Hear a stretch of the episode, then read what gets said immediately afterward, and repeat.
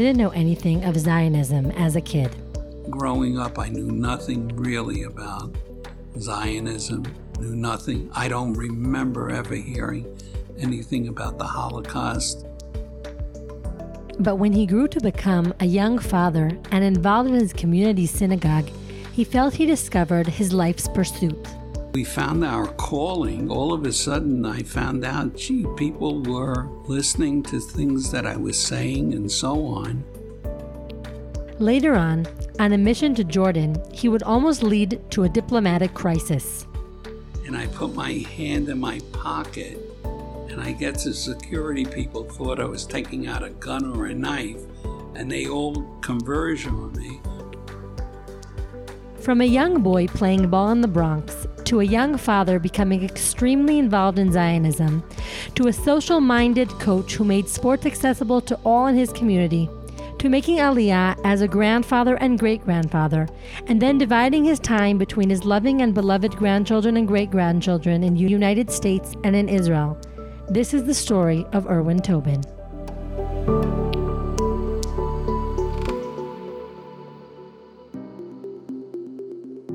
I was born in the Bronx, New York in 1935, August 12th. Irwin's Hebrew name is Yitzchak. I think I was named after my mother's uncle. The year 1935 was in the midst of the Great Depression. Living his early years in that period of time influenced him in ways he still sees today, he says. For example, even now, he always gives thought to the prices of everything he purchases. His parents were born in the U.S. My father was born in New York, I believe Harlem, and um, when he was about 12 or 13 years old, his family moved to the Bronx. Uh, he had an education, I believe, only until public school, and that's all I know about that. Uh, my mother came from South Philadelphia and uh, I believe she had a high school education. Not sure of that, but I have a picture of her graduation in my home. Irwin's father had five sisters and three brothers. Two of them, I guess, a step, what do you call it, a stepchild uh, to my uh, grandfather, because my grandmother, my father's mother, was married and I don't know if she was divorced or widowed in the just before the year 1900s because they were married in 1900. So my uncle, my uncle Willie, who was her first child, a first male child, was born in uh, 1897. I have those records of him and she had a daughter who was born, I believe, before him, so someplace in the early 1890s. To the best of my knowledge, they were everybody was born in America. My grandparents came to the United States early 1880s. When his grandfather arrived in America as a young man with no financial support, he immediately looked for a job. First, he worked as a peddler. He was uh, a peddler. He as he said in the great um, blizzard of 1888, he had a, a, snow truck that he took the snow and they dumped it into the East River. And that's all. As a young man, he um, managed movie theaters on Delancey Street. In fact, I have a picture of it in my home in Great Neck in 1917 outside the theater, and then he was in the bar and grill business. Irwin recalls how he had a special relationship with his grandfather as a child. We lived one block away from my grandfather, and every day that I went to high school, I basically saw him because he sat outside in the summer, winter, he sat outside his building, his apartment house, and I saw him as I went to school. And I used to see him every afternoon. And that, that was a good relationship. I unfortunately never asked him where he came from or things like that. But we spoke about he loved wrestling and so on. So we spoke about things like that. My grandfather was a big man. In fact, um, when he was um, when he died, he weighed over 350 pounds, and you have so many inches that they allow you in the um, at the cemetery that he has two plots because the casket was so big, so he had to have two plots. He died in 1969, so he lived a good life, a long life. With his grandmother, on the other hand, he couldn't communicate as well, being that she only spoke Yiddish. My grandmother, I, I didn't know as well as I knew my grandfather. She was a small lady, he was a big man. She was a very small lady who mostly spoke Yiddish. But she got around. She was able to get on all the buses in, uh, in the Bronx and go shopping with her friends and so on. But as I got older as a teenager, unfortunately, she lost a leg and she was always house confined. And as I said, she spoke mostly Yiddish. I understood her for a while. She was a vibrant woman, from what I understand. She had a lot of friends as she traveled. She passed away when Irwin was a young teenager. Irwin's mother was born in Philadelphia. Uh, my mother was born November 13th, 1913, in South Philadelphia. She had one brother who died in, I believe, 1938. Jacob, my brother, is named after him. And she had two sisters, Bessie and Sadie, who some people called Shirley, but we knew her as Aunt Sadie. My mother's mother was Rose. My grandfather was Morris, who uh, Mark, my son Mark, is named after. My grandfather spoke broken English, but he spoke English. He was uh, a Levi, and I understand his father was a rabbi but I know nothing about it.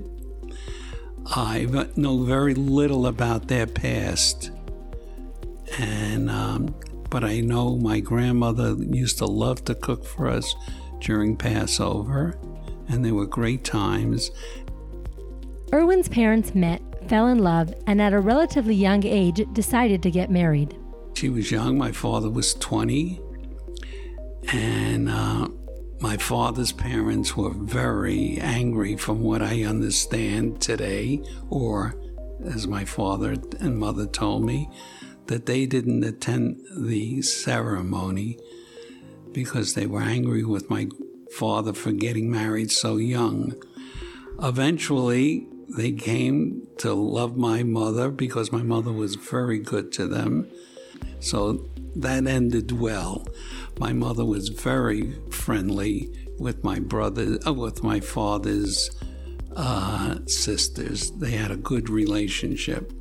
In fact, as a child, we always went out away together in the summers with his sisters.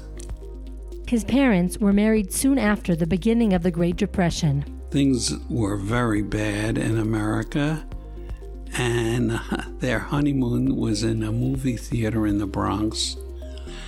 And um, as my father used to say, he got enough money from his wedding gifts to go to the movie theater for their honeymoon. Both his parents loved movies, he tells me, and when their two sons grew old enough, they would take them along with them.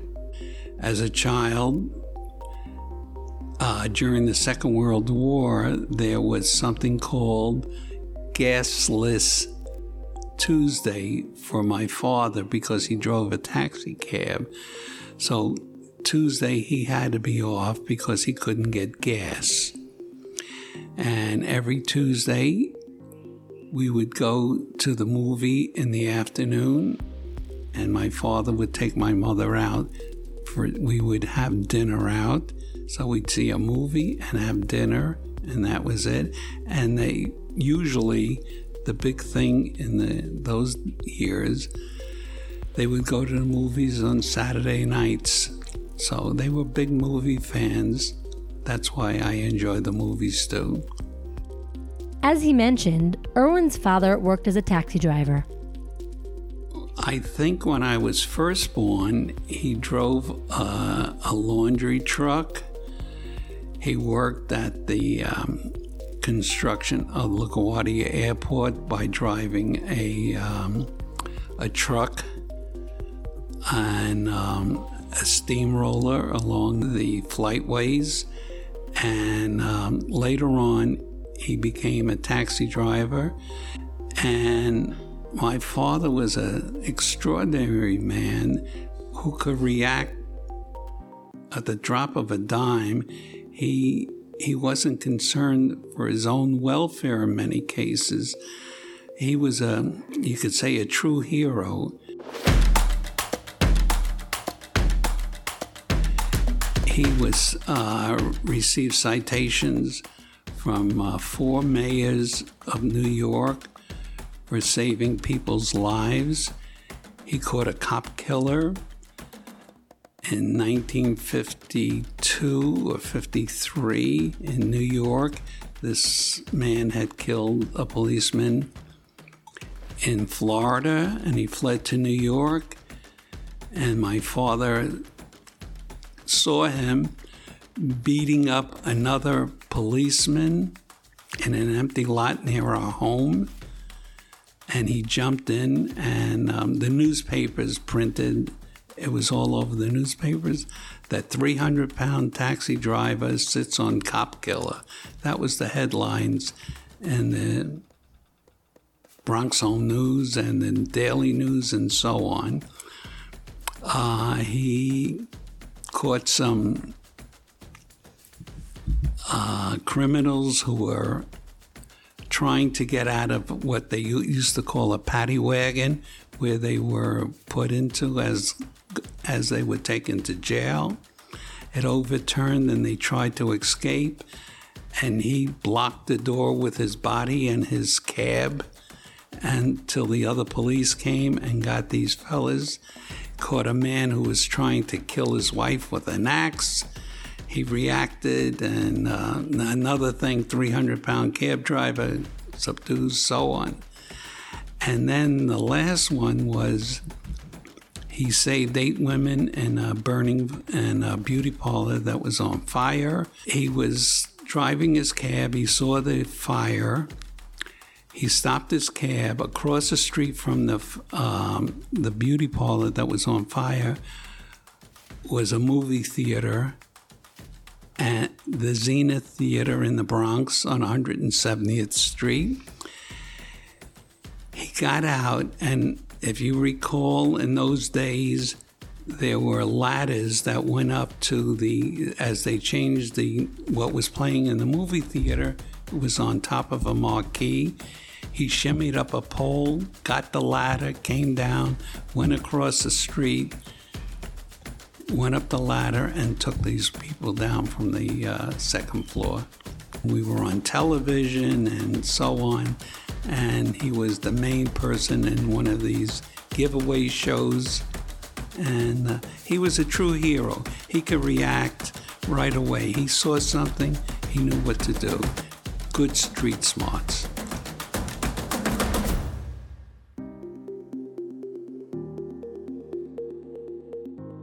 And as heroic as he was, Irwin adds, he didn't make a big deal about it. If something occurred, his instincts took over, not thinking about his own welfare. So he was a true hero, but he didn't think anything of it. Another thing Irwin tells me about his father was how he never bought anything he didn't have the money for at the time of the purchase. If he didn't have money in his pocket and wanted something, if he didn't, if he couldn't pay for it, he didn't get it. My father never wrote a check in his life, never had a credit card. In fact, my mother only got a credit card after my father passed away in 1981. They just never needed it. It was not something they did. His mother was a well liked woman who dedicated her life to taking care of her family. She enjoyed reading she enjoyed taking care of a family. I don't think she ever weighed more than 120 pounds, 115 pounds. She was an attractive woman. People liked her. She liked to do things for for people, and uh, she her I guess her way of life was you take care of your family.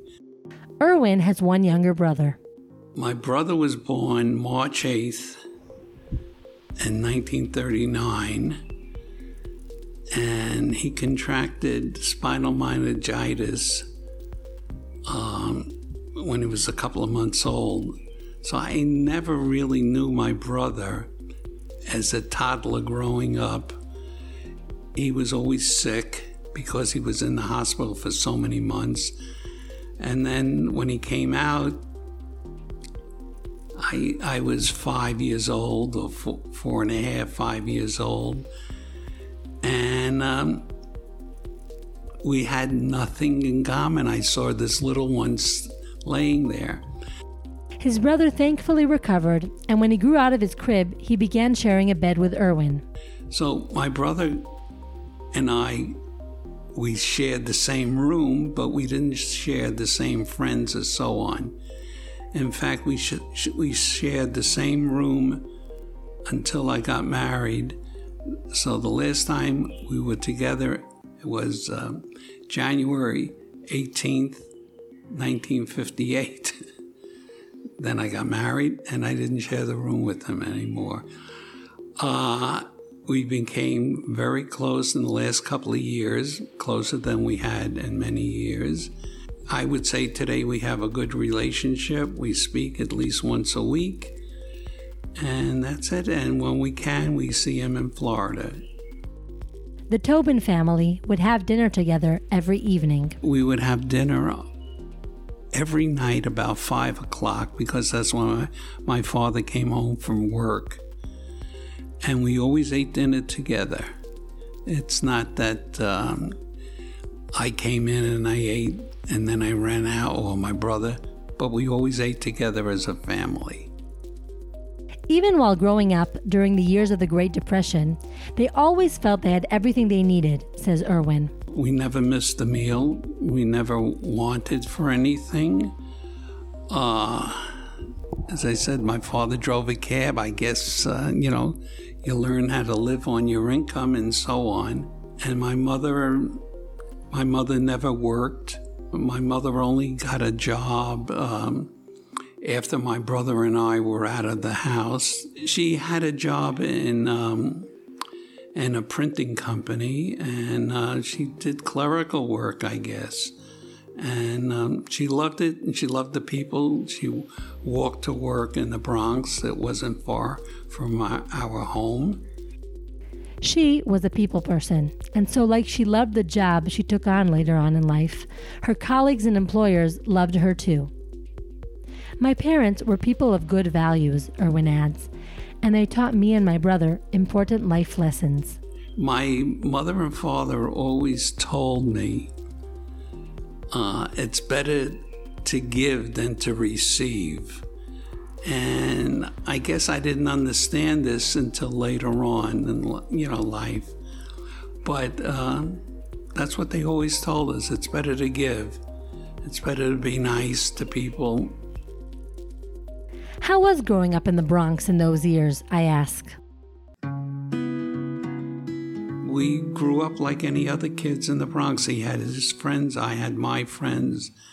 In fact, when I used to, he, my father once brought home two instruments a trumpet for my brother and a saxophone for me. I never played the saxophone. It sat where my father brought it home for me. And my brother took lessons in the trumpet.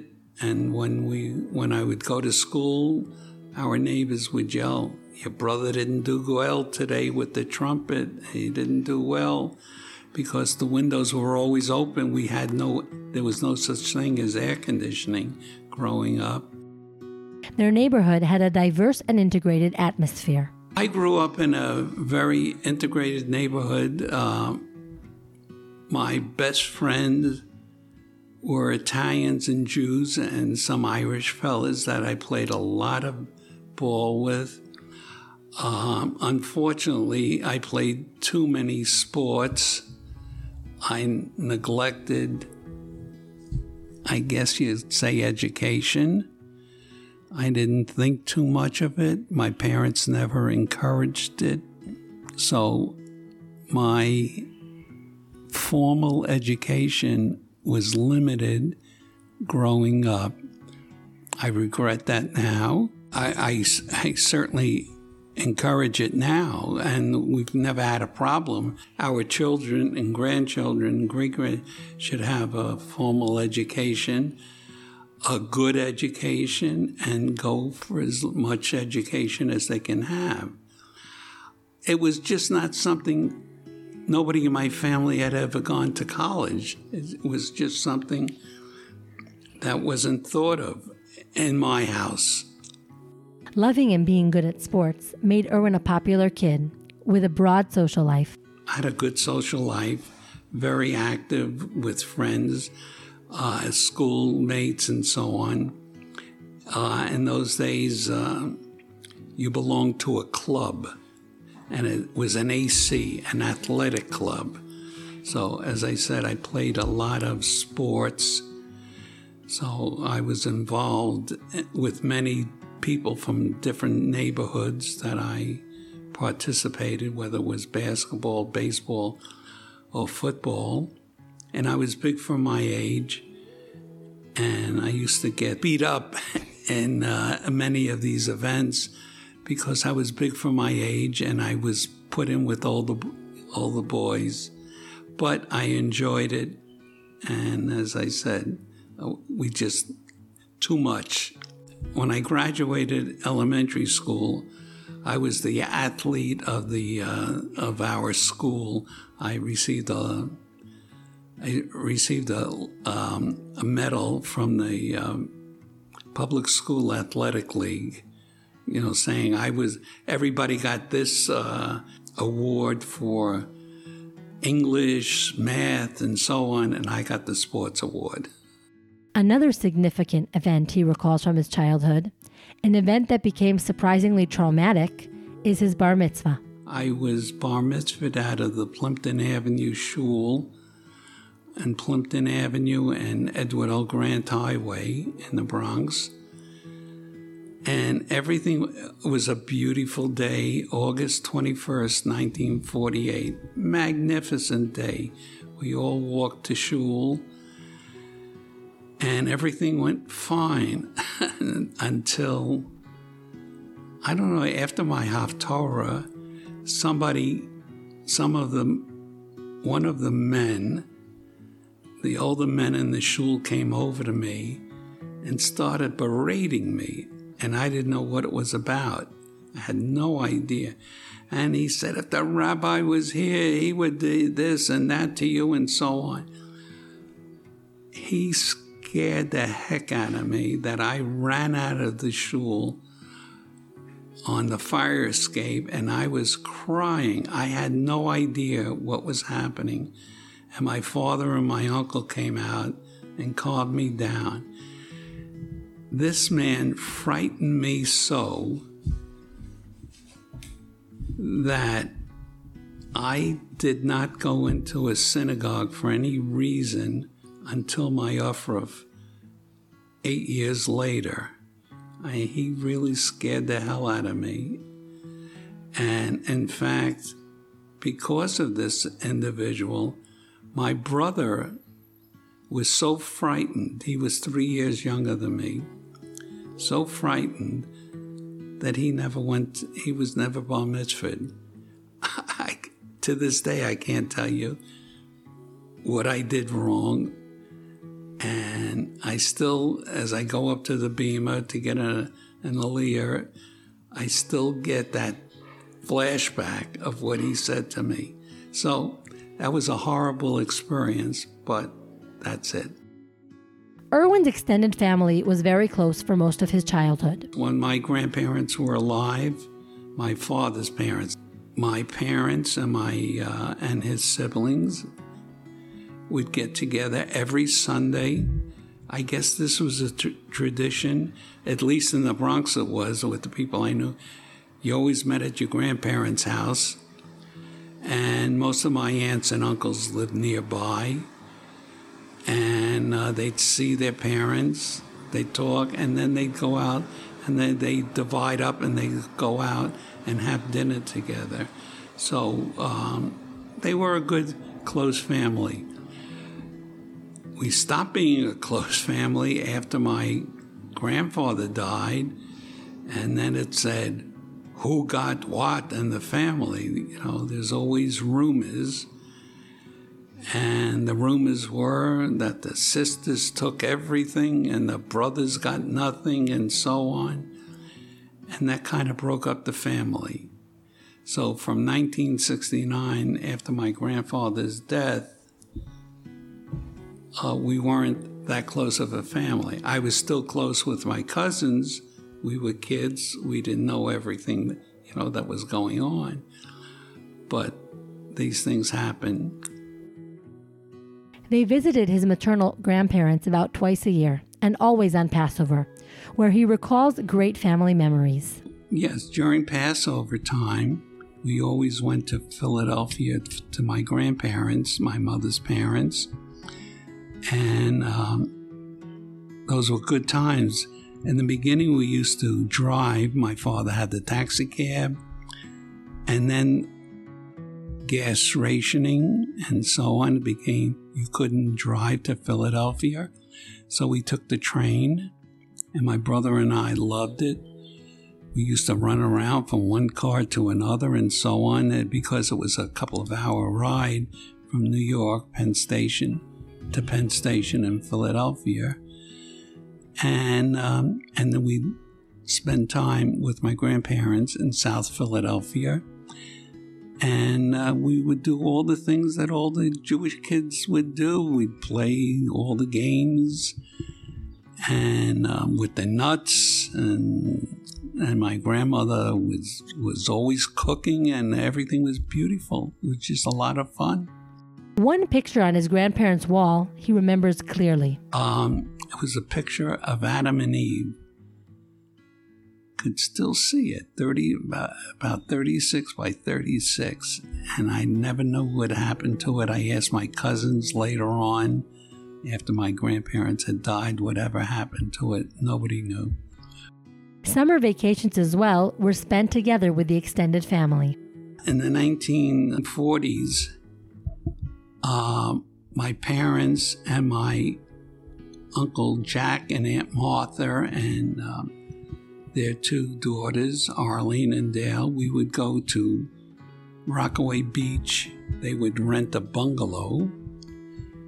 And um, we used to go every summer. And then there, my grandparents would meet us there and so on. And was just great, you know, growing up with my cousins and my um, grandparents and so on at the beach in the summertime. We went maybe for eight, ten years or something like that. I guess maybe until my bar mitzvah. And um, then we stayed home and we belonged to a local pool pool club. And uh, my summers were in the park with all the other guys, and all I did was play baseball from nine nine to nine, ten to ten, whatever that would be, and that was it. That was my summers until I went to work.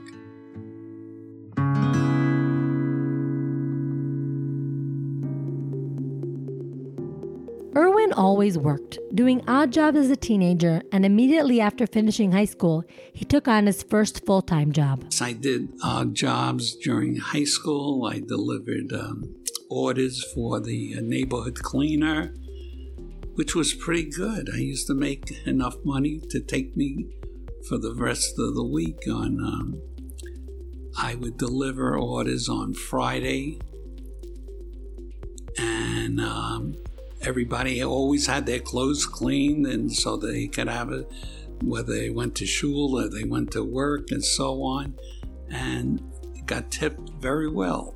So I can't complain. I used to make maybe $10, $15 a weekend delivering orders, and I worked for Mr. Schwartzberg, who had the cleaning store, and it, it was great. And then in high school, I took a job delivering telegrams on Wall Street. That was before fax machines. And I used to take the subway down to Wall Street. And then I, when I graduated high school in, in June of 1953, I had a first job at Schifflin and Company on 3rd Avenue in New York that lasted maybe two weeks. And then an uncle of mine got me a position at Eastman Chemical Products, which was a division of Eastman Kodak. And I was the first Jew in New York who works for it, the first Jewish employee of Eastman Kodak in New York. And I worked in the mailroom. In fact, we had the only building in New York that had the most beautiful women, redheaded, they had to be, have red hair, elevator operators. Those days, every elevator had an operator. And they had redheads in this building, 260 Madison Avenue. And I worked there until I got married. I worked my way up to uh, a laboratory technician where we we do experiment on different kind of fabrics for this was um, an advertising firm that did uh, that did swimsuit and ho- home furnishings. And then uh, when I was married in 1958 I said to Janet you know I'm one of 80,000 people in this big firm and um, I think we should try something else. And in 1959, I answered an ad in, uh, in the paper, and I went to take an interview, and it was for life insurance. And when I found out it was for life insurance, I walked out, and the manager that I was supposed to see followed me out of the building and said, Give us a chance, you know. Well, he talked me into it because I wanted I wanted to get out of Eastman Kodak. And I signed a contract for three years at $350 a month. That was less than I was earning at Eastman Kodak. And I went into the life insurance industry. And I've been in it since then. It took me 10 years, uh, I guess before you could say I earned a living in the life insurance industry. In those first 10 years, they were very difficult. I had taken um, odd jobs, went to work for a company called Walker Studios. For anybody who's listening, you have these baby pictures on your wall, and if they came from the 1950s, they were Walker Studios. And that didn't work out too well, so I stayed on the, the life insurance industry. And then I had, and in December, it was very slow because nobody wanted to see you. There was Christmas, it was Hanukkah, nobody wanted to see anybody. A friend of mine and client said, Can you help me out? They had owned a liquor distributing company in Great Neck, New York, and I helped them out in December. And in December, I earned as much money as I was earning in the months previously. So I was able to hold on. And Robin then was born in 1962 and Mark in 66. And just before Scott was born, he was born in 1970, I finally started to make a living in the life insurance industry. And I've been in it since. As Irwin mentioned, he was the first Jew to work in Eastman Kodak. Was that something that impacted you, I ask? It, it's not anti Semitic or anything like that. Yes, I was the only Jew there. And, um, well, two things happened. One was in 1956, I believe that's when the Suez Canal, when Israel, France, and England took over the Suez, that a woman in the office said, You Jews start every war, you know, and saw why do we have to go to war because of you? and so on. And i didn't know what the devil she was talking about.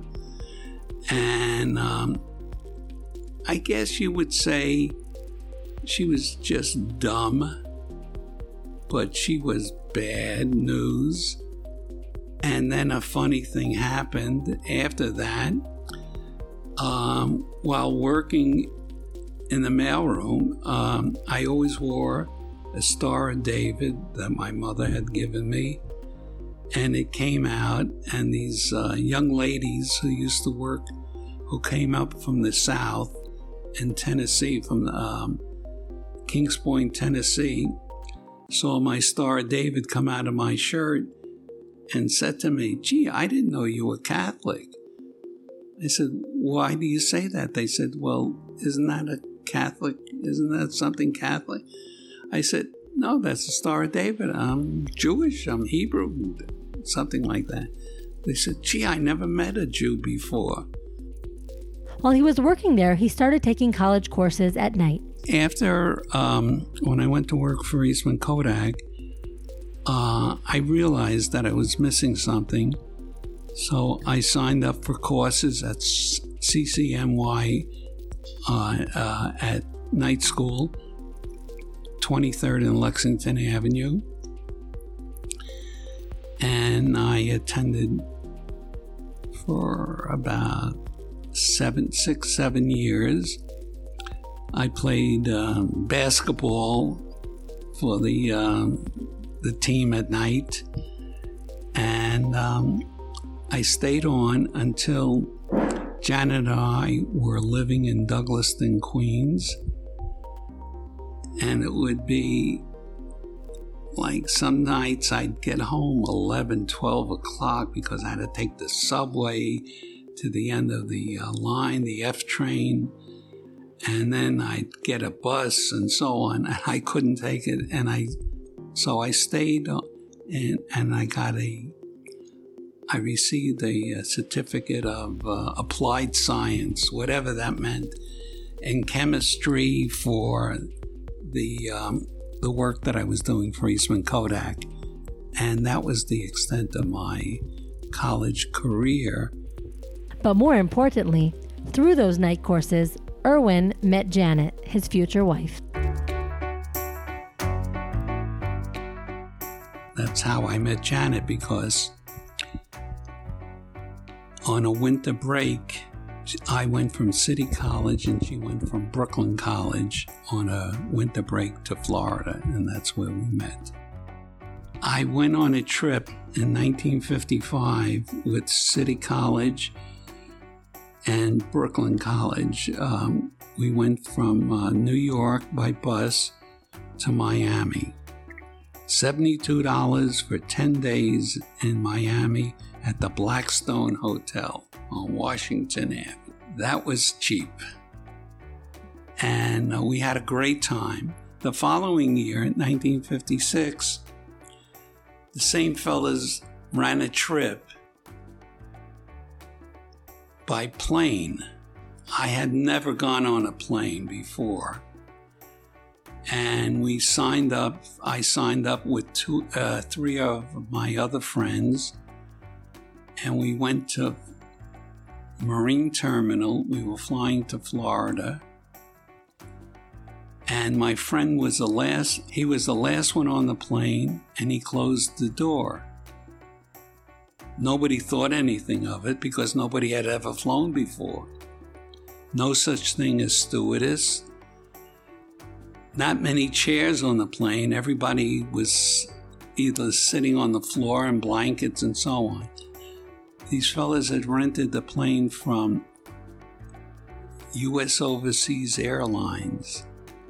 I think there was still bullet holes in it because it was from the, they were evacuating the Hung, Hungarian refugees at that time, there was the revolt in Hungary against the communists.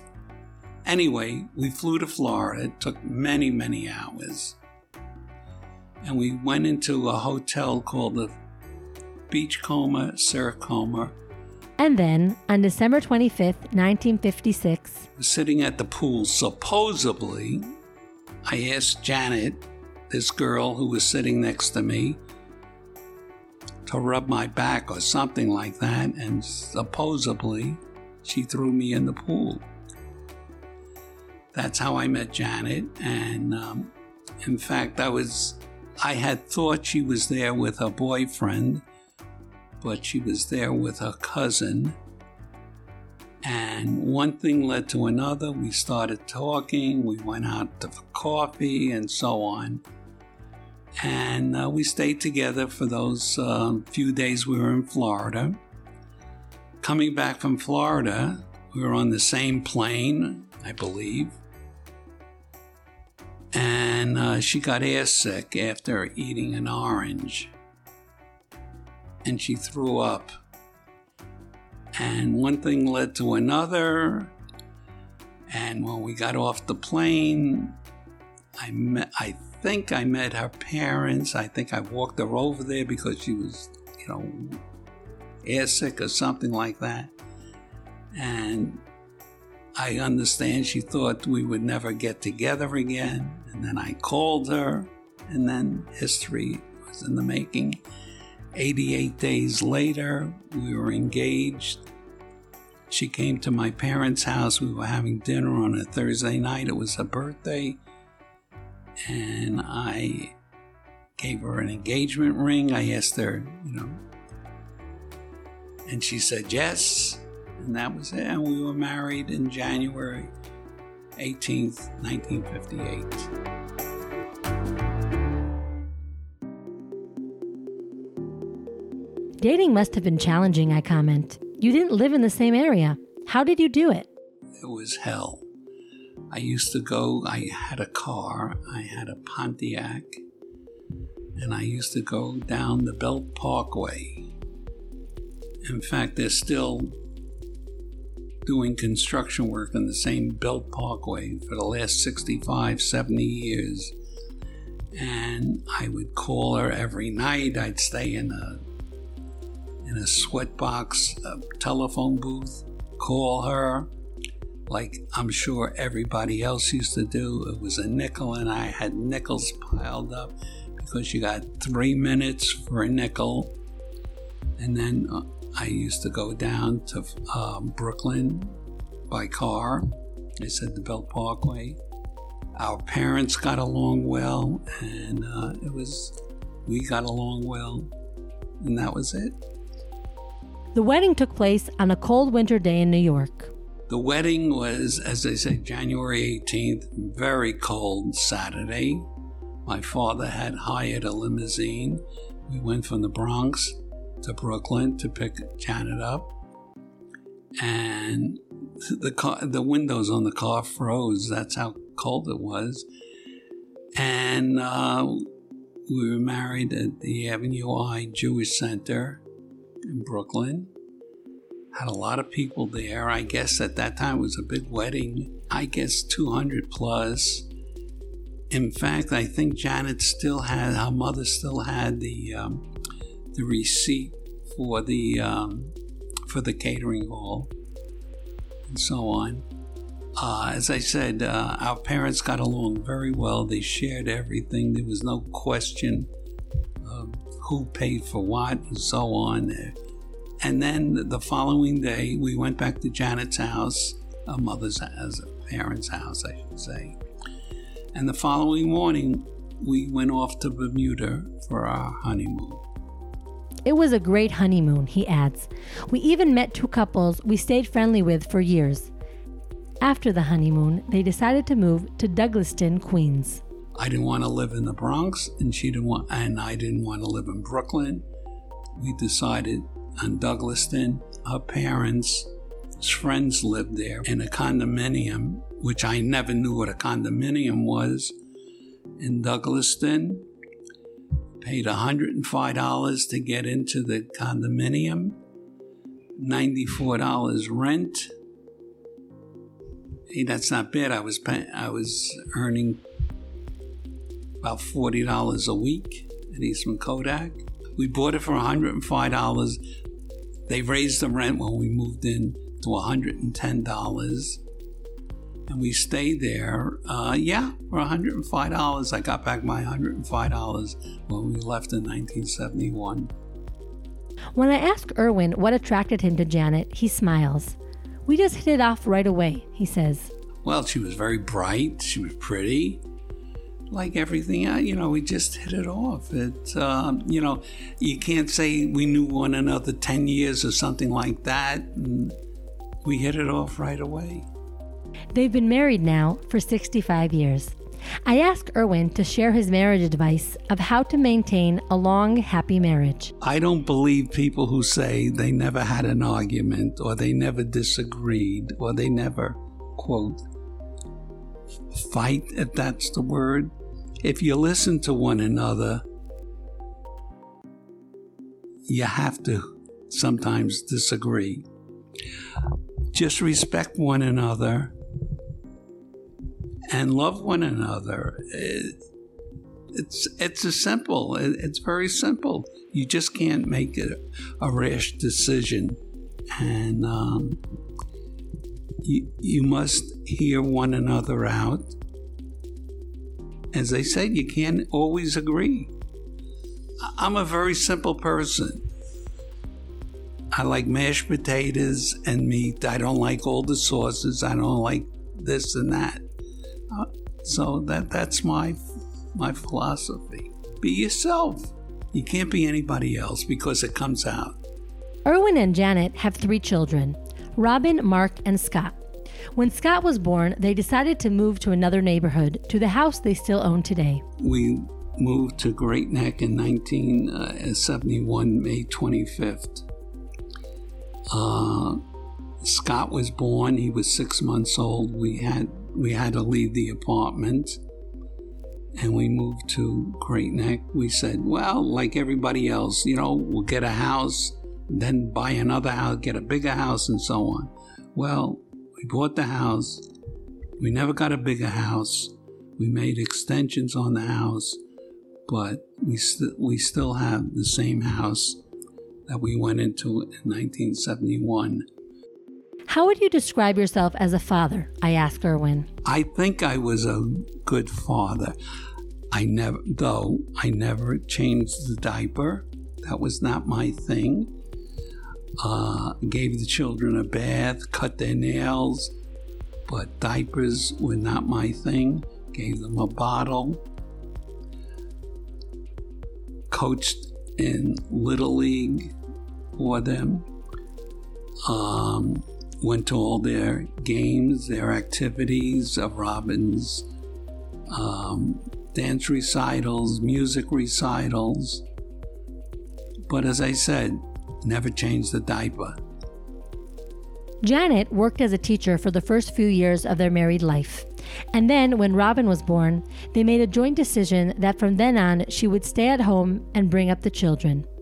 She never had a full time paying job after that, Irwin says, but she did later on become a full time volunteer once they both got involved in their synagogue and in leadership of their community.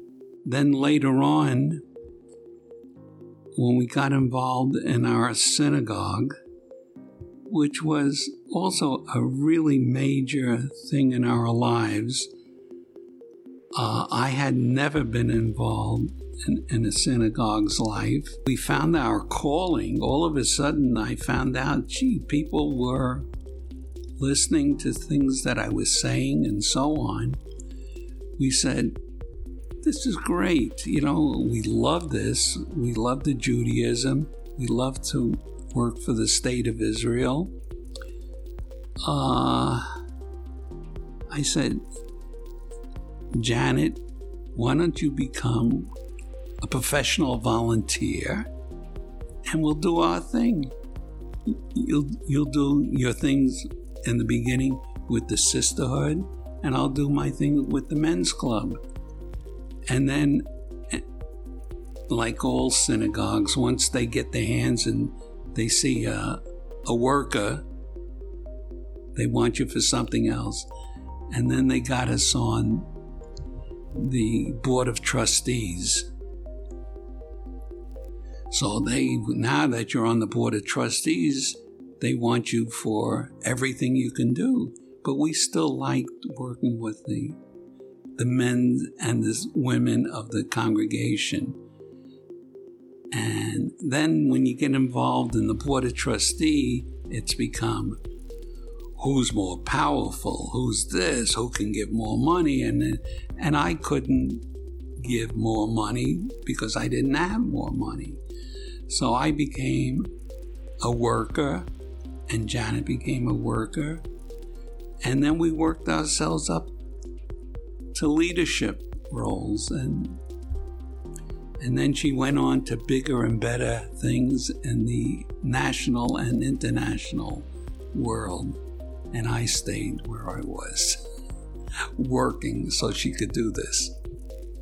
Irwin and Janet now divide their time between their home in Ra'anana, Israel, and their home in Great Neck, Long Island. But when they were just getting involved in Israel causes as a young family, Israel was a young state and Ra'anana area was mostly farmland. It was spectacular. I mean, uh, now that we're here and we go back to these places, I mean, I remember coming to Ra'anana in 1981 it was like farms. Uh, Kfar Saba was, uh, they had the, the synagogue we went to, the conservative synagogue, was all by itself and, and it looked like sand dunes, if I remember correctly. And to see what it is today is amazing. Irwin recalls his first trip to Israel. When we belonged to Marathon Jewish Community Center, as I said, I was not a uh, quote money person. So um, I was uh, I became chairman of Israel Bond Committee, which we ran every year. I think I was chairman for about 18 years of Israel Bonds, um, Jewish National Fund, uh, UJA. In fact, our first trip to Israel in 1981 was through Israel Bonds. And I was put on uh, an elite group of the big hitters of people who donated hundreds of thousands of dollars to Israel bonds.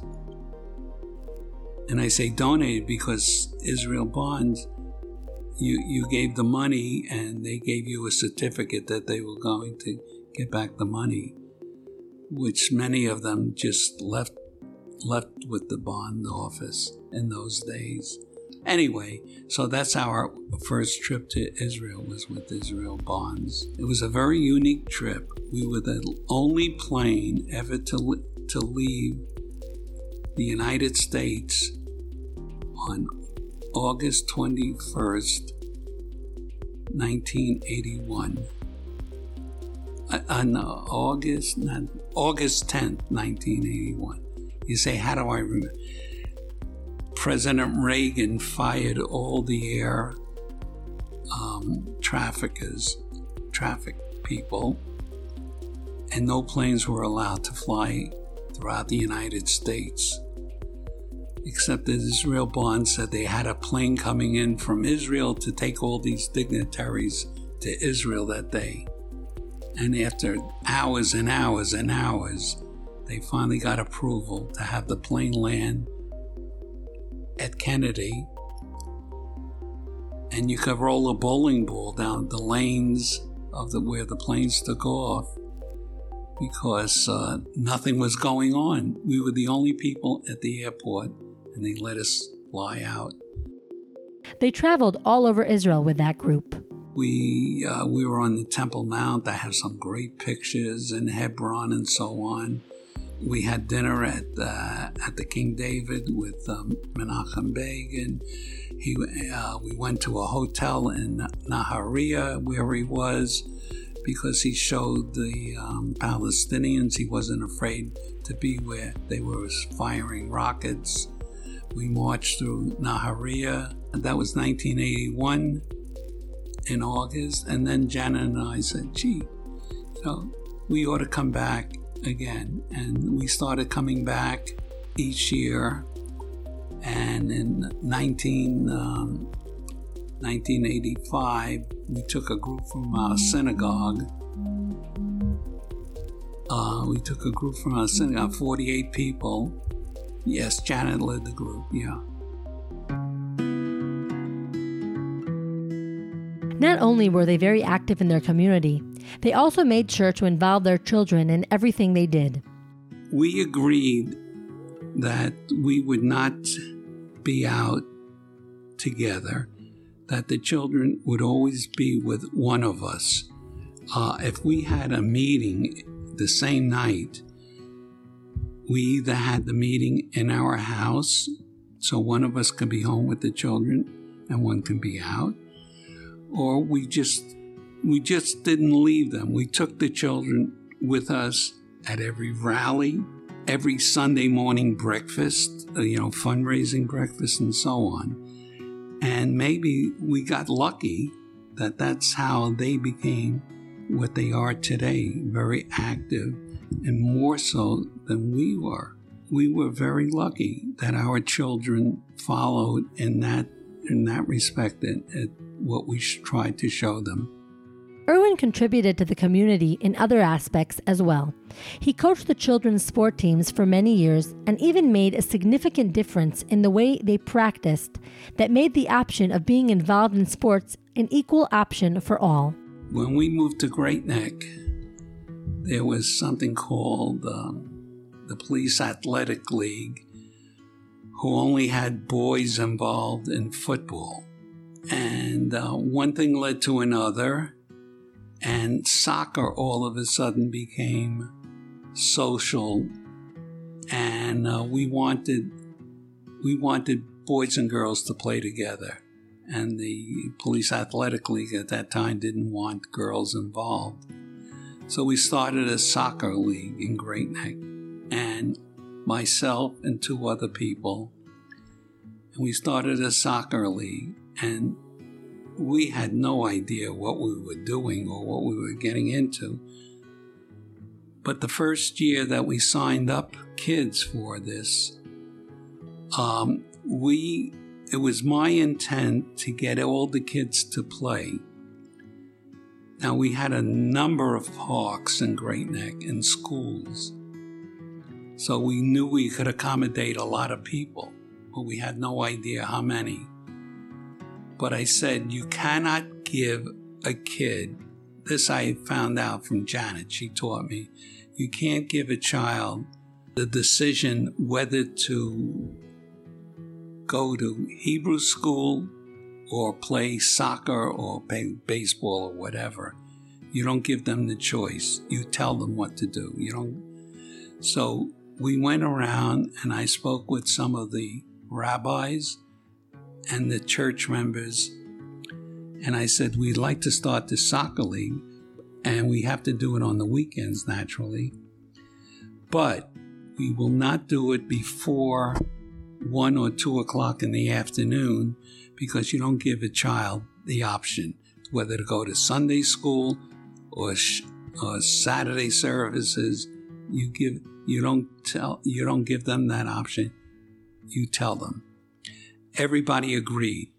The kids who went to the yeshivas had no problems because the parks were within walking distance of their homes. So we opened this up. As I said, we opened up Pandora's box. Before we knew it, we had 800 kids. We looked at one another. What are we going to do? And we were very lucky that the teachers volunteered, and we had a number of men from the community who knew how to play soccer and so on, and came down and taught. And we did this for several years. I did this until I was a grandfather. I didn't coach my own grandchildren, but the others left, and I was left with this position. And I said, This is ridiculous. You know, some of these parents have to take it over. And as soon as I gave it up, they went back to nine o'clock on Saturday or eight o'clock on Saturday. And Sundays, no care about who's going to what school or what. So that was my contribution. I did something while I was there. His own kids were and are very athletic themselves, Irwin comments, all in their own way. Robin was a terrific, she and Mark swam very competitively. Uh, Scott was not a, didn't swim competitively, but he was a terrific athlete. He could do anything he wanted to, and he did it in uh, high school and college. But Mark, very good. No sports. He could be a he could be a great coach, and I guess he did because all his boys played and uh, and Robin is still a very competitive swimmer. Becoming extremely active and leaders in Israeli and Jewish causes opened up very interesting opportunities and connections, Irwin says. I like to, you know, from a kid growing up in the Bronx with, uh, we've met presidents, kings, foreign ministers, um, all kinds of people, billionaires. And in fact, one billionaire who um, I, I think he's a fantastic individual. I mean, Janet knows him better than I, but Ron Lauder, I learned a lot from him. And uh, he was um, conference chair of the Conference of Presidents of Major Jewish Organizations. Uh, I'm using his name. I mean, I don't even, you know, he would probably remember me because Mark worked for him, and um, I met him uh, a few times with Mark and many times with Janet. But fantastic individuals I've met. I mean, to talk to two two kings, King of Jordan, who I wouldn't say is my friend, and the King of Spain. Uh, we had dinner at the White House twice with uh, Bill Clinton and George Bush the second, and uh, that's spectacular. No, uh, very few people get that opportunity. There was once, though, that during one of these special missions, Irwin almost started a diplomatic crisis. We went to Jordan, and um, there's a line that you get up, and it's a photo op. And um, we were on, I was online, and I said to him, uh, "Thank you for having here, uh, us here, uh, Your Majesty." And I'm six two. What is he? About five foot eight, something like that. I'm towering over him, and I said, "You recently did an article for the New York Times." He says, "Yes." He said, "We did it on email," and I, I said did you ever see the article? He says, No. I said, Gee, I have a copy of it. Would you like me to give it to you? He said, That would be terrific, or something to that effect. And I put my hand in my pocket, and I guess the security people thought I was taking out a gun or a knife, and they all converge on me. And I take it out, the front page of the uh, New York Times magazine section, and I give it to him. And I got hell after uh, coming off the line and said, You don't speak to the king. You don't do that. I said, I never met a king before. You know, what do I know? And that was that was my experience with him. Irwin's life has been full of movement, interesting experiences, and full of social contribution. But when I ask him what the best experience of his life has been, he talks of his family. The best days of my life when my when each child was born and then each grandchild. I mean, I these were all miracle things, and my great grandchildren. I mean, whoever thought that you would have great grandchildren? You know, until it happens to you, you don't think what these things are. And that those were the great days. And you know, when I met Janet, got married, the children being born, and the other children. I feel I'm very lucky that I see my grandchildren quite a bit, but I enjoy my grandchildren. I enjoy my great grandchildren. As I say, I'm so lucky to be able to. Since growing up, I didn't have that luxury. I mean, my grandfather never took me out to lunch or took me out, you know, go to a ball game or anything like that. So that's that's a gimme. I feel very privileged that I can do these things and um, just enjoy them all. I asked Irwin to tell me about his children. They're well, that they're successful. They respect Janet and I, even though we don't belong to the same synagogue. They respect everything that we we do for them. Um, they're good kids. You know, they're terrific. They do they do for us. Uh, we do for them. Um, I just wish them luck.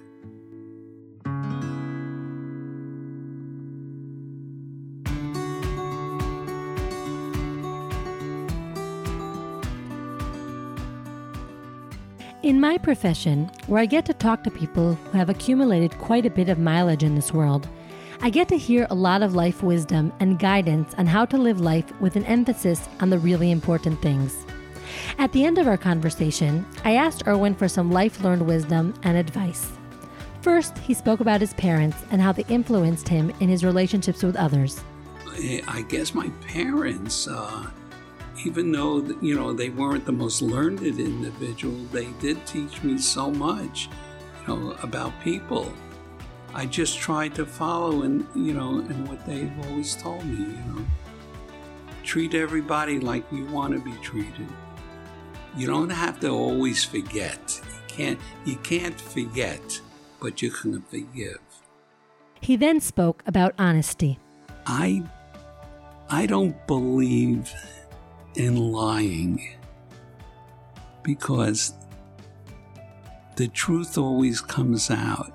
And if I had to, that you tell the truth, you don't tell the truth to hurt somebody, but you tell the truth in a way that benefits somebody.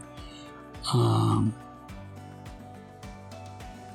I, I just think you have to be honest with you because somebody once told me when you're in the life insurance business, and no matter who you sell or what you sell, that person remembers what you said. And even if you sold your brother something, or your uncle, or your father, somebody else will eventually see what you did. And you just better remember what you said so it's better to tell the truth about something than say nothing, than don't say anything at all. We finished with one last question. If you could have a cup of coffee with anyone, who would it be? Again, he began with the aspect in his life that he puts first his family. As I told you, I, I would love to be able to sit with my grandparents, both sets, since I know nothing about the past and my family. I would love to know about my past. And unfortunately, I don't. So, with them, and then we said, I said, I'd like to sit with Moses and not to hear what he had to speak with God about, but just things in general, because, you know, what we read about him there was someone, you know, he was such an interesting individual. And just to get some insight. Irwin Tobin was a young child during the Great Depression, born to a father who was a real hero, but didn't think of himself as anything special, and to a mother who was loved by all and dedicated her life to the welfare of her family. As a young adult, Irwin found his own personal calling and together with his wife Janet, became extremely active in Israel and Jewish causes. As years of ideological activism and community involvement went by, Irwin, with the same modesty of his father, and without seeing himself as anything special, became a leader, met extraordinary people, and brought up his own family, who all take after him and his wife and are socially active as well.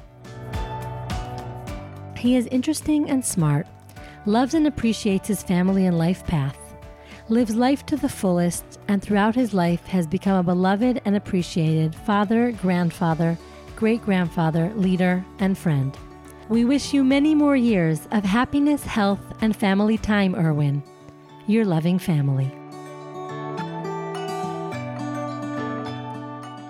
You have just listened to Life Storyteller by Yakira Wiesel Azulay.